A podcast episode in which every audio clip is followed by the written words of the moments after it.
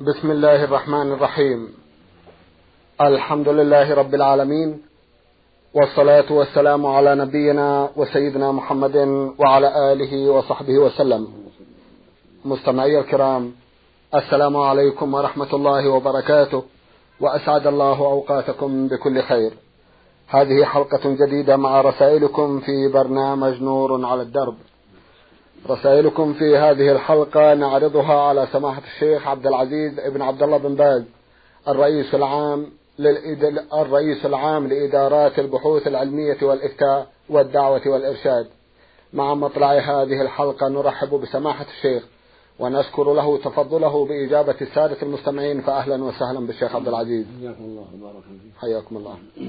مع مطلع هذه الحلقة هذه رسالة وصلت إلى البرنامج من إحدى الأخوات المستمعات سمت نفسها أم صياح من جمهورية مصر العربية. أختنا تقول في أحد أسئلتها هل من شروط استجابة الدعاء الصلاة على سيدنا محمد صلى الله عليه وسلم في أول الدعاء وآخره؟ بسم الله الرحمن الرحيم. الحمد لله وصلى الله وسلم على رسول الله وعلى آله وأصحابه ومن اهتدى بهداه. أما بعد فلا ريب أن الصلاة على النبي صلى الله عليه وسلم من أسباب الإجابة. وقد ثبت عنه صلى الله عليه وسلم أنه قال لما سمع رجل يدعو ولم يصلي على النبي صلى الله عليه وسلم ولم يحمد الله قال عجل هذا. ثم قال عليه الصلاة والسلام إذا دعا أحدكم إذا دعا أحدكم فليبدأ بتحميد ربه والثناء عليه. ثم يصلي على النبي صلى الله عليه وسلم ثم يدعو الناس. فالسنة للداعي أن يبدأ بحمد الله والثناء عليه وتمجيده. ثم يصلي على النبي صلى الله عليه وسلم ثم يدعو بما أحب مع الخشوع والصدق في الدعاء والإقبال على الله وحسن الظن به سبحانه وتعالى. وإذا كان على طهارة وفي أوقات الإجابة المخصوصة كان أقرب إلى الإجابة كما في آخر الليل وجوف الليل. وكذلك في السجود وفيما بين الأذان والإقامة وفي يوم الجمعة ولا سيما في ما بين جلوس الإمام إلى أن تقضى الصلاة. يعني جلوس على المنبر للخطبة إلى أن تقضى الصلاة. وبعد صلاة العصر إلى غروب الشمس يوم الجمعة. كل هذه من أسبابه كل هذه من أوقات الإجابة. فالمؤمن والمؤمنة يجتهدان في تعاطي الأسباب والله جل وعلا هو الموفق سبحانه وتعالى. ومن أسبابها الصلاة على النبي وليست شرطا. ليست الصلاة شرطا ولكنها من أسباب الإجابة. حمد الله والثناء عليه قبل الدعاء والصلاة على النبي صلى الله عليه وسلم قبل الدعاء كل هذا من أسباب الإجابة وليس ذلك شرطا. لو دعا ولم يحمد الله قبل ذلك لو يصلي على النبي صلى الله عليه وسلم قد ترجى قد ترجى إجابته. سيما مع الضرورة وشدة اللجأ إلى الله والانكسار بين يديه سبحانه وتعالى. لكن من أسباب الإجابة كونه يحمد الله قبل ذلك ويصلي على النبي صلى الله عليه وسلم. أما الصلاة بعد ذلك ورد فيها حديث ضعيف. وإن صلى على النبي بعد ذلك فلا بأس. كله طيب. نعم. جزاكم الله خيرا. تسأل أختنا وتقول هل يجوز للمرأة أن تصوم ستا من شوال قبل أن تقضي الأيام التي أفطرتها في رمضان لعذر شرعي مثلا؟ اختلف العلماء في هذه المسألة منهم من أجاز أن تصلي الست قبل قضاء الواجب ومنهم من لم يجز ذلك. والأحوط للمؤمن والمؤمنة أن يبدأ بالقضاء. الذي عليه قضاء يبدأ به قبل قبل الست. هذا هو الأحوط وهذا هو الذي ينبغي. لأن الواجب أهم من النافلة. فالتي عليها قضاء تبدأ بالقضاء ثم تصوم إن تيسر لها ذلك وإلا فالقضاء أهم. وهكذا الرجل الذي عليه قضاء بسبب مرض أو سفر يبدأ بالقضاء. نعم. جزاكم الله خيرا. تسأل أيضا وتقول هل الزيوت التي تضعها المرأة على رأسها يمنع وصول الماء إلى الرأس بحيث يكون الوضوء والغسل باطلا؟ لا لا يمنع. الحمد لله. زيت لا يكون في الرأس جيد وأشباهه مما يوضع على الرأس لا يمنع. كالحناء أو نحوه. نعم. أختنا آخر سؤال لها تقول فيه إذا كان الرجل يصلي ولا يزكي ولا يحج وهو قادر على الحج هل الزواج معه صحيح؟ صحيح لكنه عاصي. يعتبر عاصيا إذا كان لا يصوم رمضان ولا يزكي يكون عاصيا. وقد ذهب بعض أهل العلم إلى تكفيره وهو على خطر عظيم. فينبغي الحذر من ذلك والصواب أنه لا يكفر بذلك إذا إذا لم يجحد وجوب الزكاة. ولم يجحد وجوب الصوم في رمضان ولم يجحد وجوب الحج مع الاستطاعة يكون عاصيا فاسقا. وعليه التوبة إلى الله والبدار بأداء الزكاة عما مضى والبدار بقضاء صوم رمضان إذا كان ترك شيئا منه وهكذا البدار بالحج إذا كان يستطيع. أما من ترك الصلاة فإنه يكفر على الصحيح ولو لم يجحد وجوبها نسأل الله السلامة. نسأل الله السلامة. رسالة مطولة بعض الشيء بعث بها المستمع عادل عبد القيوم من السودان بورت سودان وضمنها أربعة أسئلة. في سؤاله الأول يقول نحن مجموعة من الشباب والحمد لله محافظون على أداء الصلوات الخمس في المسجد. وبعد صلاة العشاء نذهب إلى منازلنا ثم نأتي لكي نبيت في المسجد. فمنا من يصلي في الليل ومنا من يقرأ القرآن ثم نستيقظ قبل الفجر ونؤذن أذان التنبيه للفجر.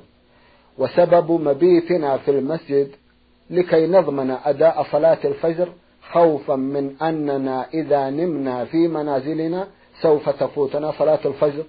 وبعض الناس يسخرون منا ويقولون لنا لماذا تنامون في المسجد؟ أليس لكم بيوت؟ أو أسرة تنامون عليها؟ ونحن نسأل هل مبيتنا هذا جائز؟ نرجو إفتاءنا وتوجيهنا. جزاكم الله خيرا. إذا كان المبيت في المسجد لهذه العلة وهو خوف النوم عن صلاة الفجر. فلا بأس بذلك. لكن إذا تيسر لكم من يوقظكم في بيوتكم أو وضع الساعة المنبهة عند رأس أحدكم كونه يبيت في بيته ويتهجد في بيته آخر الليل كان هذا هو الأفضل هذا هو الأولى كما فعله النبي صلى الله عليه وسلم والصحابة. فيبيت الإنسان في بيته ويضع الساعة عند رأسه. وهي إن شاء الله يحصل بها التنبيه. أما إذا لم يتيسر ذلك ونمتم في المسجد لأجل يوقظ بعضكم بعضا حتى تصلوا الفجر مع المسلمين هذا خير عظيم. وقصد صالح وأنتم لكم عذر في هذا. لكن إذا تيسر لكل منكم أن يجتهد في الصلاة في بيته والبيتوتة في بيته فهذا أفضل. والساعة بحمد الله تنفع في الغالب.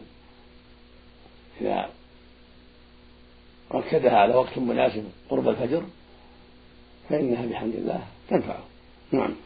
فراش صاع الفراش التي لها منبه. نعم. جزاكم الله خيرا. أخونا يقول في سؤال آخر إمامنا يدعو بالقنوت أحيانا في صلاة الفجر والمغرب والعشاء وذلك بعد الرفع من الركوع الأخير. لكن يا سماحة الشيخ بعد القنوت يدعو أيضا بدعاء شتى ويرفع يديه. فهل هذا الدعاء بعد القنوت جائز؟ وهل نرفع أيدينا معه أم نكتفي بالتأمين؟ القنوت مشروع في النوازل في الدعاء للمجاهدين والدعاء على الكافرين. فإذا قنت من أجل النوازل في بعض الأحيان في حال المجاهدين الأفغان وحال المجاهدين في فلسطين وغيرهم يدعو لهم بالنصر ويدعو على الكفار بالخذلان. هذا مشروع. ويرفع يديه وأنتم ترفعون أيديكم وتؤمنون. كما في الاستسقاء يرفع يديه في الاستسقاء قال بالغوث ويرفع الناس أيديهم ويؤمنون. أما القنوت لغير ذلك فلا يستحب له الوتر. إذا أوتر في الليل قنت بعد الركوع في الركعة الأخيرة. أما ما يفعله بعض الناس من القنوت في الصبح دائما هذا لا ينبغي بل الذي ينبغي تركه. لأن الرسول صلى الله عليه وسلم ما كان يفعل القنوت إلا في النوازل. يعني إذا نزلت في نازلة دعا المسلمين ودعا الكافرين أوقاتا معينة ثم يترك عليه الصلاة والسلام.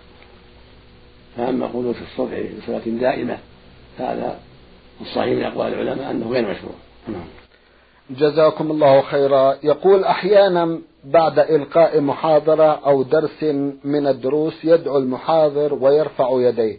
فهل نجلس معه أثناء الدعاء الجماعي أم ننصرف بعد المحاضرة قبل بدء الدعاء؟ افتونا بارك الله فيكم. لا بأس بالدعاء بعد المحاضرة أو بعد الموعظة والذكرى. لا بأس بالدعاء. يدعو الله للحاضرين بالتوفيق والهداية وصلاح النية والعمل. لكن رفع اليدين. في مثل هذا في مثل هذا لا أعلم. فيه دليلا ولا أعلم أنه ورد عليه الصلاة والسلام إلا العموم عموم رفع اليدين بالدعاء وأنه من أسباب الإجابة. لكن لم أحفظ عنه صلى الله عليه وسلم أنه كان بعدما يعظ الناس ويذكرهم كان يرفع يديه ويدعو. ولو كان هذا يفعله لنقل عليه لنقل لنقله الصحابة رضي الله عنهم فإنهم ما تركوا شيء إلا نقلوه رضي الله عنهم. فالأولى والأحوط عدم الرفع في مثل هذا. إلا إذا وجد دليل يدل على ذلك. أما كن يدعو لهم بعدما يفرغ غفر الله لنا ولكم أو وفقنا الله وإياكم أو نفعنا الله وإياكم بما سمعنا أو ما أشبه هذا هذا لا بأس به. وإذا أمنوا فلا بأس بذلك. نعم. جزاكم الله خيرا. يقول هل يجوز تخصيص ليلة الجمعة لإقامة الليل علما بأننا طلبة وموظفون ولكي ننتهز فرصة عطلة الجمعة للراحة؟ لأن أحد الإخوان قال يوجد حديث يدل على عدم تخصيص يوم أو ليلة للعبادة. نرجو فتواكم. جزاكم الله خيرا. نعم لا يجوز تخصيص ليلة الجمعة بالتهجد لأن الرسول نهى عن هذا عليه الصلاة والسلام.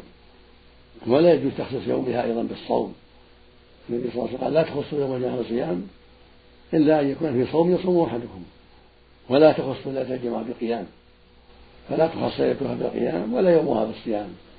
وهكذا لا يجوز اتخاذ ليلة معينة يخصها الناس بالتهجد لعدم الدليل نعم. جزاكم الله خيرا. آخر سؤال له يقول فيه حضرت يوما ختمة القرآن الكريم في أحد المساجد وعندما جاء دوري قرأت سورة الانشقاق وعند الآية رقم 21 وعند موضع السجود أردت أن أسجد ولكن الإمام أشار لي بعدم السجود. وهم أيضا لم يسجدوا. فما هو حكم السجود في مثل الحال التي ذكر جزاكم الله خيرا؟ يقول حضرت يوما ختمة القرآن الكريم في أحد المساجد وعندما جاء دوري قرأت سورة الانشقاق وعند الآية رقم 21 وعند موضع السجود أردت أن أسجد ولكن الإمام أشار لي بعدم السجود وهم أيضا لم يسجدوا. فما هو حكم السجود في مثل هذه المواضع؟ جزاكم الله خيرا. السنة السجود إذا قرأ الإنسان آية السجدة سواء كان في الصلاة أو في خارجها. لكن المأموم لا يسجد. إنما الإمام ليسجد فإذا سجد الإمام تبعوه وإلا فلا. وأما إذا كان يصلي وحده في النافلة أو في الفريضة لأنه ما أدرك فريضة أو معذور مريض لا يحضر فإذا قرأ السجد يسجد. هذا السنة. سواء كان هذا في السماء وشقته أو في غيرها. وهكذا كان يقرأ قراءة خارج الصلاة في بيته أو في المسجد. إذا مر بآية السجد سجد هذا هو السنة. وليست واجبة ولكنها سنة. نعم. جزاكم الله خيرا. الأخت سعاد جيم ميم بعثت برسالة ضمنتها جمعا من الأسئلة. في أحد أسئلتها تقول جرت العادة في بلدنا الذبح في المواسم مثل مثل النصف من شعبان وأول رمضان وسبعة وعشرين من رجب. فهل يجوز الأكل من مثل هذه الذبائح؟ أما الذبح في نصف شعبان أو في ليلة سبعة وعشرين من رجب هذه بدعة ما لها أصل.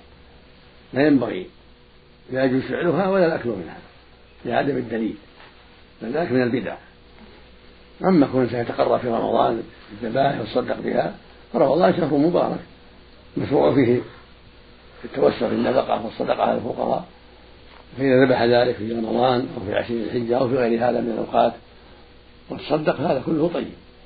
أما تخصيص ليلة نصف شعبان أو ليلة سبعة من رجب كما يفعل بعض الناس من الاحتفال بهذه الليلة هذا لا لا أصل له بل هو بدعة. جزاكم الله خيرا. تقول كم هي عدد الأيام شرعا وفي السنة المطهرة لتلك التي يأتيها العذر الشرعي؟ الصواب لا حد لأقله ولا لأكثره لكن الأغلب أن العادة تكون ستا أو سبعا هذا هو الأغلب. وقد تصل إلى خمسة عشر. والذي عليه جمهور أهل العلم أنها لا تزيد على خمسة عشر. متى زادت فهي استحاضة. تصلي معها وتصوم وتحل زوجها أما إذا كان خمسة عشر فأقل فإنها تكون عادة. تستمر عليها. وإن نقصت طهرت تطهرت بعد ذلك. فعلى كل حال العادة تزيد وتنقص. قد تكون ستا سبعا وقد تزيد يوما تنقص يوما. فالمؤمنة تجلس ما ترى من الدم ولا زالت العادة ونقضت على الصحيح تجلس ولا تصلي ولا تصوم ولا تحل زوجها حتى تطهر وتغتسل. لكن متى استمرت معها إلى خمسة عشر؟ هذه النهاية على الصحيح. متى زادت على خمسة عشر؟ فإنها تعتبرها استحاضة وتصلي وتصوم وتحل زوجها وترجع إلى عادتها المعروفة قبل هذه الزيادة وتستمر عليها. سواء كانت ستا أو سبعا أو ثمانا أو عشرا لأن بها لأنها لما زادت على نصف الشهر اتضح أنها استحاضة وأنها ليست العادة المعروفة. والعادة الشرعية لا تزيد على نصف الدهر. أقصاها ونهايتها نصف الدهر نصف الشهر. نعم. جزاكم الله خيرا. تقول أختنا الطيور أو الحيوانات التي تسقط من أعلى وتصاب بجرح أو كسر تكون حركتها أحيانا مثل السليمة فهل يجوز الأكل منها؟ نعم إذا أمسكها وذبحها حلت إذا سقطت الحمامة أو غيرها من الطيور المباحة من شجرة أو من جبل وأمسكها وذبحها وهي حية حلت ولو فيها جرح. ولو كان فيها جرح نعم. لي خالة تصلي وتصوم ولكنها تصدق بسبحة اليسر وهذه السبحة يكتب عليها أسماء الله الحسنى وكذلك تحلف بالرسول وبعض المشايخ وقبر أخيها. فهل مثل هذه الأشياء تمنعنا من زيارتها أو الجلوس معها إذا زارتنا هي أيضا؟ يجب أن تنصحوها. وأن تعلموها أن هذا لا يجوز. ولا تجعل في في حبات السبحة أسماء الله لأن هذا نوع امتهان لأسماء الله. فلا يجوز وضعها في حجرات السبحة. كذلك الحلف بالرسول صلى الله عليه وسلم والحلف بقبر أخيها أو بالمشايخ كله لا يجوز. كله منكر. كله من المحرمات الشركية. يقول النبي صلى الله عليه وسلم من كان حالفا فليحلف بالله ويصمت. ويقول صلى الله عليه وسلم من حلف بشيء دون الله فقد أشرك. فلا يجوز الحلف بغير الله كائنا من كان. لا بالنبي صلى الله عليه وسلم ولا بالكعبة ولا بالأمانة ولا بغير ذلك. فهذه مرة تنصحونها وتوجهونها الخير وتعلمونها. ما شرع الله وإذا لم تقنع تطلبون من بعض أهل العلم أن يعلمها ذلك بأن يكتب لها أو يكلمها بالهاتف حتى تقنع لأن المرأة الجاهلة تعلم. فأنتم تقنعونها فإن أبت تطلب بعض أهل العلم يقنعونها بالهاتف أو بالكتابة لعل الله يهديها وتدع هذا المنكر. والتسبيح بالأصابع أولى من السبحة كنت يسبح بأصابعه يهلل بأصابعه هذا أفضل وأولى. ولكن لا يجوز أن يوضع في أحجار السبحة أسماء الله ولا شيء من آيات من الآيات القرآنية ولا ذكر الله جل وعلا لأن هذا فيه لأن هذا يكون فيه امتهان في وضع الأسماء على هذه الحجرات. نعم. جزاكم الله خيرا. المستمع مهدي علي أحمد يسأل ويقول ما الفرق بين البينونة الكبرى والبينونة الصغرى؟ البينونة الكبرى تحرم الزوجة حتى تنكح زوجها غير مطلقها. يقال بينونة كبرى تحرم على الزوج حتى يتزوجها زوج آخر. ويدخل بها أن يطأها. ثم يفارقها لموت أو طلاق. ثم تخرج العدة وذلك إذا طلقها الطلقة الأخيرة الثالثة. فإنها تحرم عليه حتى تنكح غيره لقوله جل وعلا في كتابه العظيم فإن طلقها يعني ثالثة فلا تحل له من بعد حتى تنكح غيره يعني حتى يتزوجها وحتى يطأها كما دل عليه الحديث الصحيح. من حديث عائشة رضي الله عنها في قصة المبتوتة النبي قال لها لا تحل لا تحل لزوجها الأول حتى تذوق وسيلة الثاني ويذوق وسيلة الثاني حتى يطأها. هذه يقال لها بينونة كبرى إذا طلقها الطلقة الأخيرة يقال لها بينونة كبرى. لا تحل إلا بعد زوج. شرعي لا نكاح تحليل الزوج شرعي وبعد أن يطأها ثم يفارقها بموت أو طلاق. أما البينونة الصغرى هي التي تقع بعد طلقة وطلقتين إذا خرج من العدة. إذا خرج بعد الطلقة الواحدة والطلقتين من العدة تسمى بين الصغرى يعني يحلها العقد إذا تزوجها بعقد تحلت وهكذا إذا خالعها بمال طلقها على مال طلقة واحدة وطلقتين فإنها تحل له بعقد جديد وهذه البينونة يقال لها بينونة صغرى لأنه يحلها العقد الجديد أما بينونة كبرى فلا يحلها العقد لا بد من زوج جديد يطأها ثم تحل بعقد جديد بعد ذلك إذا طلقها الزوج أو مات عنها نعم. جزاكم الله خيرا. المستمعة نون عين من منطقة سدير بعثت برسالة ضمنتها ثلاثة أسئلة. في سؤالها الأول تقول بعض الناس عندما يكتبون اسم الرسول الكريم صلى الله عليه وسلم يضعون بدلا من الصلاة عليه عليه أفضل الصلاة والسلام رمزا حرف الصاد. هل ما يفعلونه صحيح؟ هذا لا ينبغي. مشروع أن يصلوا عليه صلى الله عليه وسلم صلاة مكتوبة صلى الله عليه وسلم. وبعضهم يحط صلعا صاد لام عين ميم. إشارة إلى صلى الله عليه وسلم. وهذا أيضا غلط. لا ينبغي. فنبه العلماء على ذلك. السنة لمن تكلم باسمه صلى الله عليه وسلم أو كتبه ويصلي عليه صلى الله عليه وسلم صريحا وصلى الله عليه وسلم. ولا يضع صاد بدلا من ذلك ولا صلعا نعم. جزاكم الله خيرا. تقول في شهر رمضان نحضر السحور قبل الأذان بثلث أو نصف ساعة ويؤذن ونحن لم نتم السحور. فنأكل وهو يؤذن. بعض الناس قال الإمساك حين سماع الأذان والبعض قال إن أفضل وقت للسحور هو عند الأذان حتى يكون متأخرا مع أننا لا نعلم هل الأذان يكون قبل طلوع الفجر بقليل أو مع طلوع الفجر. ما حكم ما فعلنا؟ السنة تأخير السحور في آخر الليل لكن ينبغي أن يقدم قبل الأذان حتى يفرغ المتساحر قبل الأذان. والنبي صلى الله عليه وسلم ثبت عنه أنه تسحر في آخر الليل ثم قاموا إلى الصلاة بعد السحور قاموا سئل أنس عن سئل أنس عن ذلك. كم كان من الأذان والسحور؟ قال قدر خمسين آية. المقصود المقصود أن التأخير أفضل لكن ينتهي قبل الأذان. فإن أكل وهو يؤذن فلا حرج. إذا لم يعلموا أن الصبح قد طلع. أما إذا علموا أن الصبح قد طلع كالذي في الصحراء يرى الصبح فإنه لا يأكل إذا الصبح ولو ما أذن. فإن العمدة على الصبح. لأن الله قال جل وعلا وكلوا واشربوا حتى يتبين لكم الخيط الأبيض من الخيط الأسود من الفجر يعني من الصبح. فإذا كان لا يعلم هل الأذان على الصبح أم لا فله أن يشرب أو يأكل مع الأذان. لكن ترك هذا أحوط وأولى يتقدم ويفرغ من سحوره قبل الأذان هذا هو الأفضل والأولى. احتياطا للصوم وبعدا عن الشك والرسول عليه الصلاة والسلام دع ما يريبك إلى ما لا يريبك اللهم صل عليه. اللهم صل عليه. جزاكم الله خيرا. آخر سؤال لأختنا يقول في صلاة الفجر نسيت أن أقرأ سورة بعد الفاتحة. فسجدت سجود السهو. بعد السلام هل ما فعلته صحيح؟ لا حرج في ذلك. ولكن القراءة بعد الفاتحة غير واجبة. الفاتحة كافية. لكن قراءة أو سورة بعد الفاتحة أو آيات أفضل. فإذا تركها الإنسان فليس عليه سجود وإن سجد فلا حرج. إذا تركها الإنسان سهوا. فليس عليه شيء.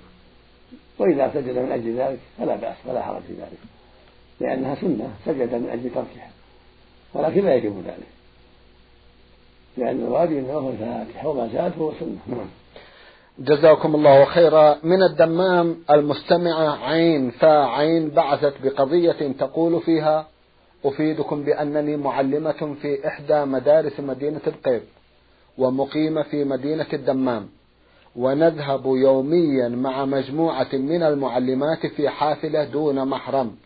فهل هذا جائز أم لا بد من محرم؟ تقول أفيدكم بأنني معلمة في إحدى مدارس مدينة القيب ومقيمة في مدينة الدمام. ونذهب يوميا مع مجموعة من المعلمات في حافلة دون محرم. فهل هذا جائز أم لا بد من محرم؟ افتونا مأجورين. جزاكم الله خيرا. الواجب على المرأة أن لا تسافر إلا مع ذي محرم. يقول النبي صلى الله عليه وسلم لا تسافر امرأة إلا مع ذي محرم.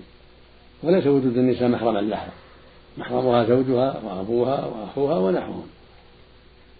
فإذا كان بين إبجيك وبين الدمام مسافة سفر 80 كيلو أو 70 كيلو أو ما يقال ذلك فليس في السفر بدون محرم. هذا هو الصحيح الذي عليه جمهور أهل العلم. وبعض الأحيان رخص في السفر إذا كان من جملة ساتقات عند الحاجة ولكن ينبغي ترك ذلك. خروجا من الخلاف وعملا بالحديث الصحيح. وهو قوله صلى الله عليه وسلم لا تسافر امرأة إلا مع ذي محرم فالنص صريح لا يتحمل لا يحتمل التأويل فلا يليق ولا ينبغي للمرأة أن تتساهل في هذا.